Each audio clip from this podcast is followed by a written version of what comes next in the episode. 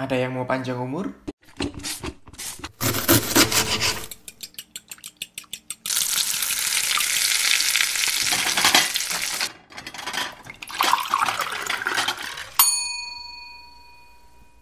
Balik lagi di podcast yang membahas segala hal tentang makanan di mana lagi kalau bukan di Secret Recipe.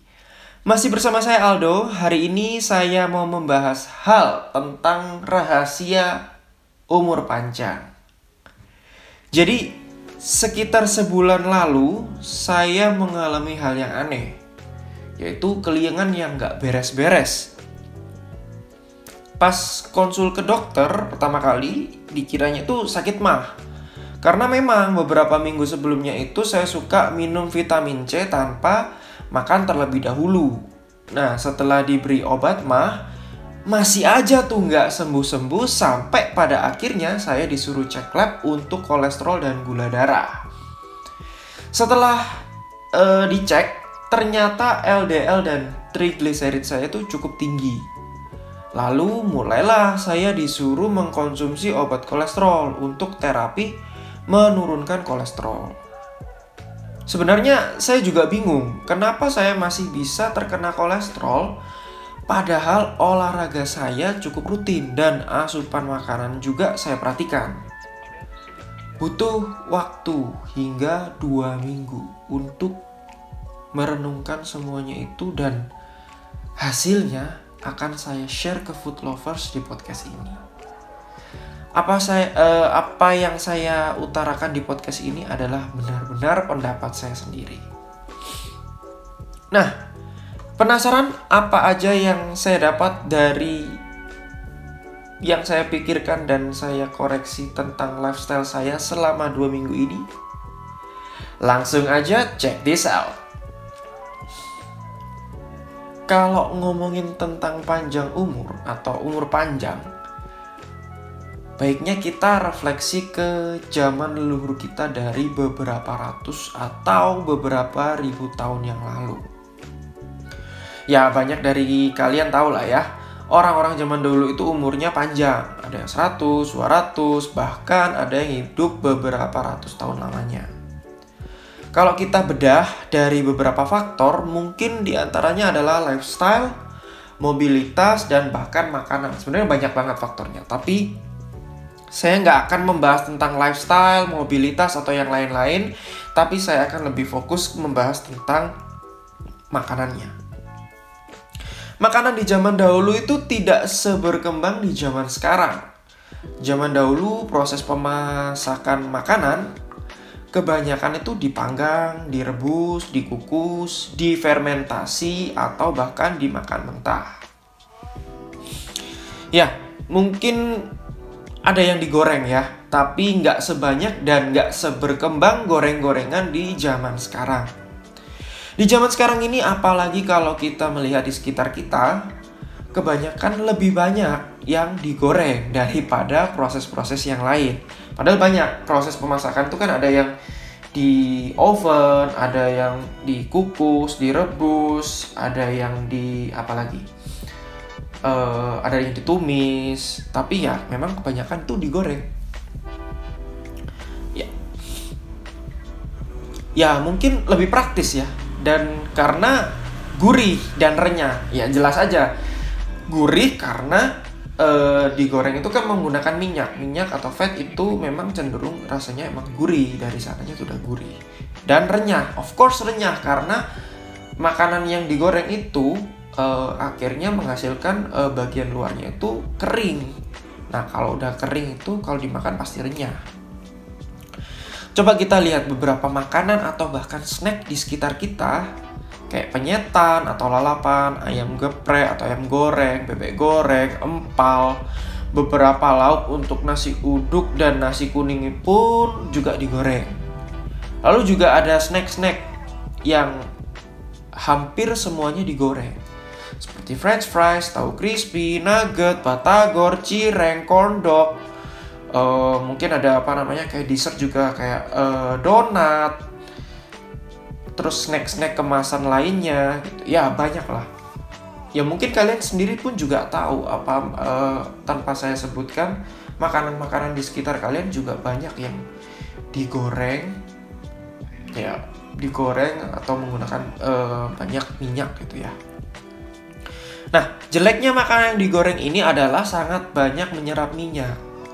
Apalagi zaman sekarang kita lihat para pedagang menggunakan minyak yang sudah dipakai berulang kali sampai jadi hitam yang bahkan itu menyebabkan trans fat. Berkembangnya makanan pun juga memperburuk keadaan, keadaan, ya. Seperti penggunaan butter dan margarin, krim, pemanis buatan, pengawet, dan pewarna sintetis yang dipakai oleh beberapa oknum. Belum lagi jenis masakan yang semakin kreatif nih di zaman sekarang tanpa memperhatikan nilai gizi atau kesehatan makanan tersebut. Ya, kalau misalnya makanan-makanan yang berkembang atau kreatif zaman sekarang itu ya kayak apa ya? Kayak ayam uh, ayam geprek ya, ayam geprek itu kan zaman sekarang. Terus boba, terus apa lagi ya? Uh, apa ya lainnya itu ya mungkin uh, kayak ayam pop atau ayam uh, apa namanya uh, french fries yang dikasih bumbu-bumbu. Ya banyak banyak makanan-makanan kreatif yang sangat berkembang di zaman sekarang. Atau kayak ya makanan-makanan daerah seperti kayak cireng, cimol, terus batagor yang tadi saya sebutkan. Ya itu kan apa namanya uh, makanan yang sebenarnya uh, di era-era kekinian kita gitu ditambah juga uh, penggunaan bagian-bagian daging yang nggak seharusnya dimakan seperti paru, usus, babat, dan hati yang di luar negeri itu biasanya dipakai untuk pakan hewan. Mungkin kalau saya rangkum, penyebab penyakit-penyakit ini timbul itu adalah penggunaan fat atau lemak dan minyak yang berlebihan. Terus habis itu ada penggunaan gula yang berlebihan dan juga konsumsi karbohidrat dalam jumlah yang sangat banyak. Oh ya, satu lagi alkohol yang berlebih. Ya memang apa pun yang berlebih itu nggak baik. Ya, itulah mengapa beberapa penyakit seperti stroke, serangan jantung, kolesterol, darah tinggi, diabetes dan kanker itu sangat umum di sekitaran masyarakat kita. Ya, saya sendiri pun sebagai juru masak, butter, minyak, krim, dan santan itu adalah sahabat terbaik kami. Ya, karena masyarakat sangat suka dengan makanan yang gurih dan creamy. Di sini tuh saya nggak bisa ya menyalahkan siapa pun ya, karena apa namanya ya, ini sudah ada di dalam kehidupan kita uh, cukup lama gitu loh tapi mungkin di sini kita bisa mulai menyadari hal-hal yang nggak baik ini. Di sini saya juga bukannya melarang ya, ataupun mencap semua makanan yang di atas atau yang saya sebutkan tadi atau beberapa makanan yang mungkin kalian lihat itu nggak bergizi sama sekali. Nggak, nggak, bukan begitu. Tapi ada hal-hal yang kurang baik kalau kita konsumsi secara terus-menerus. Ya, bolehlah kita sesekali makan makanan yang enak dengan jumlah fat yang tinggi atau misalnya uh, dalam jumlah gula yang tinggi kayak misalnya boba gitu kan. Tapi nggak untuk terus menerus atau untuk setiap hari. Kayak misalnya kayak alkohol ya mungkin uh, sesekali lah occasional boleh. Tapi nggak kayak setiap hari konsumsi alkohol itu juga nggak nggak akan baik untuk kesehatan. Seringkali kita juga lupa gitu kan esensi dari makan yang kita ingat itu adalah ketika setiap kali membeli makanan atau membuat makanan itu adalah apakah makanan ini enak, apakah makanan ini mengenyangkan, dan bahkan buat kaum yang mendang mending, yang kaum mendang mending tau lah ya, yang mending ini daripada itu, mending ini daripada itu ya. Suka suka apa ya membandingkan. Pertanyaannya tuh bertambah, apakah makanan ini tuh lebih murah daripada makanan yang lain. Padahal esensi utama dari makan itu adalah memberi nutrisi dan manfaat bagi tubuh. Belakangan saya juga mulai menerapkan mindful eating. Mungkin buat food lovers yang nggak tahu apa itu mindful eating, Secara singkatnya, mindful eating itu adalah berpikir tentang makanan yang kita masukkan ke dalam mulut. Meresapi apa yang kita makan dan mendengarkan sinyal-sinyal tubuh tentang makanan yang kita makan. Apakah kita udah kenyang? Apakah makanan ini sebenarnya menyehatkan atau tidak untuk tubuh? Mungkin ada yang bertanya, kalau kita harus melihat nutrisi sebelum kita makan, kita nggak akan makan-makan dong, keburu lapar. Ya memang benar, kita nggak melihatnya sangat dalam, kayak ilmuwan-ilmuwan gitu kan, diteliti, masuk lab gitu. Enggak, enggak, enggak seperti itu. Tapi kita lihat secara garis besarnya aja gitu kan. Ya kalian juga waktu di sekolah, juga kan diberi pengetahuan atau nggak usah di sekolah lah maksudnya di Instagram atau di di media sosial lainnya pun sebenarnya banyak kan kayak apa makanan-makanan yang misalnya superfood itu apa makanan-makanan yang uh, apa namanya bergizi atau memiliki nilai vitamin yang tinggi atau makanan yang bagus untuk tubuh itu apa ya kan ya apa namanya uh, memang nggak nggak nggak akan terlalu dalam seperti itu gitu. Jadi kita cuma melihatnya apakah makanan ini banyak vitamin, banyak serat, apakah porsi ini cukup atau terlalu banyak untuk saya? Apakah makanan ini terlalu berlemak untuk saya? Apakah makanan ini terlalu pedas atau terlalu asam untuk lambung saya? Ya, makanan eh, makanan enak itu kan sebenarnya cuman sekitaran mulut sampai tenggorokan atau kerongkongan. Setelah itu ya kita nggak akan merasakan makanan yang kita makan. Sisanya ya badan kita yang akan menikmati atau mencerna seutuhnya tentang apa yang kita makan. Ya badan kita nggak akan kerasa gitu kan, nggak akan kerasa uh, apakah makanan ini crispy, makanan ini manis, makanan ini asin, makanan ini gurih, nggak akan. Yang akan merasakan makanan itu enak atau tidak itu ya cuman sebatas mulut, ya lidah, uh, lidah, indera pengecap kita. Ketika kita kunyah, rasa crunchy atau chewy. Kita kecap rasanya manis, asin, asam, pedas atau gurih. Nah, ketika masuk ke tenggorokan atau kerongkongan juga akan merasakan gurih atau tidak gitu kan atau rasanya asam pedas setelah itu ya nggak akan nggak akan terasa lagi gitu jadi mungkin kita uh, harus mulai menyadari ini lebih gitu. Jadi bukan bukan hanya tentang makanan itu enak. Karena makanan enak itu hanya sementara. Sisanya ya badan kita yang akan menikmati. Ketika kita makan makanan yang tidak baik atau misalnya gizinya kurang baik terus menerus terus menerus ya akibatnya ya eh, badan kita akan komplain gitu kan. Ya komplainnya adalah dengan memberikan sinyal-sinyal. Misalnya pusing. Misalnya kayak kolesterol kan pusing. Atau mudah lelah. Misalnya kayak uh, diabetes kan mudah lelah mudah uh, mudah uh, sering pipis uh, pipisnya jadi dikerubungin semut ya kan. Dan banyak lainnya gitu. Kalau darah tinggi juga kayaknya pusing atau keliengan dan dan lain sebagainya. Ya kalau memang kita pengen hidup kita lebih panjang ya kita memang nggak tahu ya uh, berapa lama hidup kita di dunia ini. Tapi alangkah indahnya ya kan? Kalau misalnya kita bisa merawat apa yang Tuhan telah berikan buat hidup kita. Nggak hanya seenaknya kita cuman enak tok gitu atau menikmati makanan ya menikmati makanan setiap harinya. Ya makanan yang sehat pun itu bukan berarti tidak enak gitu kan. Coba kita bayangkan tentang buah-buahan. Apakah buah-buahan itu tidak enak? Enak kan? Manis asam atau bahkan sayur-sayuran. Apakah sayur-sayuran itu tidak enak? Enak. Kacang-kacangan. Kacang-kacang apakah kacang-kacangan tidak gurih atau tidak enak? Enak gurih. Nah di sini kita juga harus merubah perspektif kita gitu kan.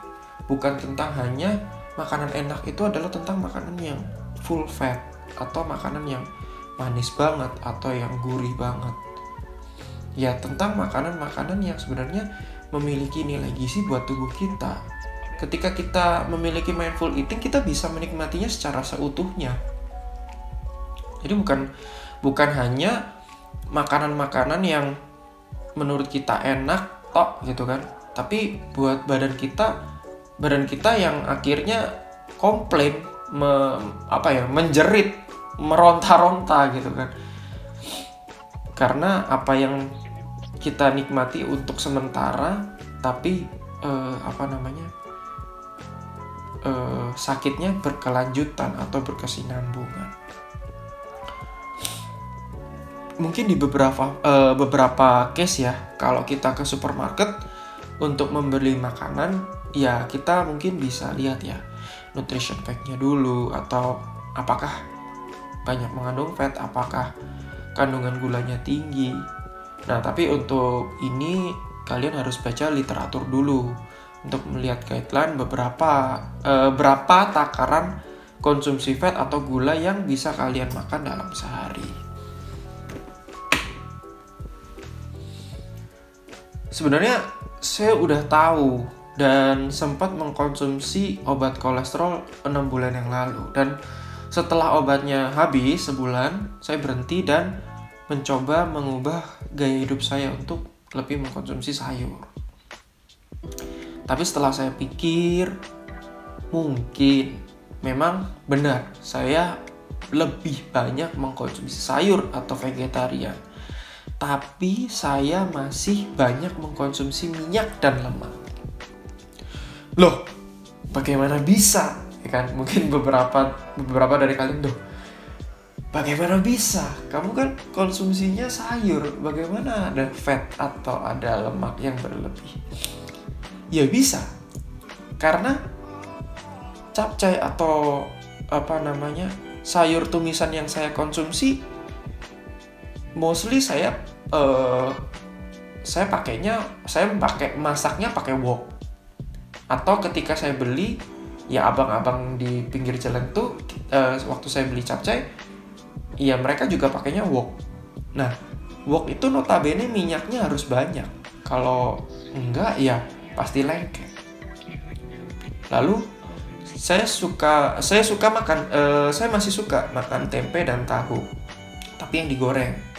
Nah, menggorengnya pun minyaknya kadang yang uh, minyaknya udah hitam ya. Kadang kadang kalau kalau di tempat kerja ya kan kita memang nggak bisa pilih ya. Ya minyaknya seadanya di sana gitu.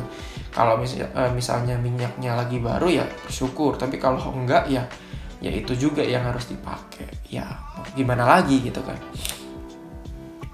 Terus saya masih kadang mengkonsumsi makanan-makanan padang yang tapi yang sayurnya doang misalnya kayak terong balado tapi masih minta kuah gulai, bumbu rendang, dan kuah kari. Dan nggak lupa juga konsumsi kerupuk yang jumlahnya ya masih banyak gitu. Ya, dari sini saya sebenarnya uh, apa namanya menyimpulkan juga ketika mungkin food lovers kalau misalnya ada yang vegetarian it's good tapi ya coba uh, di di apa dievaluasi ulang apakah vegeta eh, makanan vegetarian kalian diolah dengan cara yang tepat juga. Kalau diolah dengan cara yang tidak tepat juga ya sama saja. Sama saja dengan kalian yang tidak mengkonsumsi eh, yang kalian mengkonsumsi daging atau ikan. Atau ya maksudnya intinya yang bukan vegetarian. Gitu. Ya, inilah hasil pemikiran dan koreksi lifestyle saya selama beberapa minggu ini. Sebenarnya cukup frustasi dan stres karena di umur yang masih muda saya punya kolesterol yang tinggi. Di sisi lain ya saya sebagai juru masak yang masih pengen juga gitu loh, pengen makan dan mencicipi makanan yang enak atau food apa namanya? food travel ke uh, beberapa tempat lain gitu kan. Ya, tapi it's okay setiap orang yang hidup di dunia ini adalah tentang mengenali diri sendiri dan menemukan jati diri. Oke, sekian dulu podcast saya hari ini. Ya, mungkin tidak 100% benar dan mungkin ada yang nggak setuju dengan pendapat saya. Ya, tapi inilah perjalanan hidup saya dan inilah yang saya dapat dan saya ingin bagikan ke kalian semua. Share ke teman-teman kamu kalau podcast ini bermanfaat. Akhir kata saya Aldo pamit undur suara. Stay happy, stay healthy. Ciao, ciao.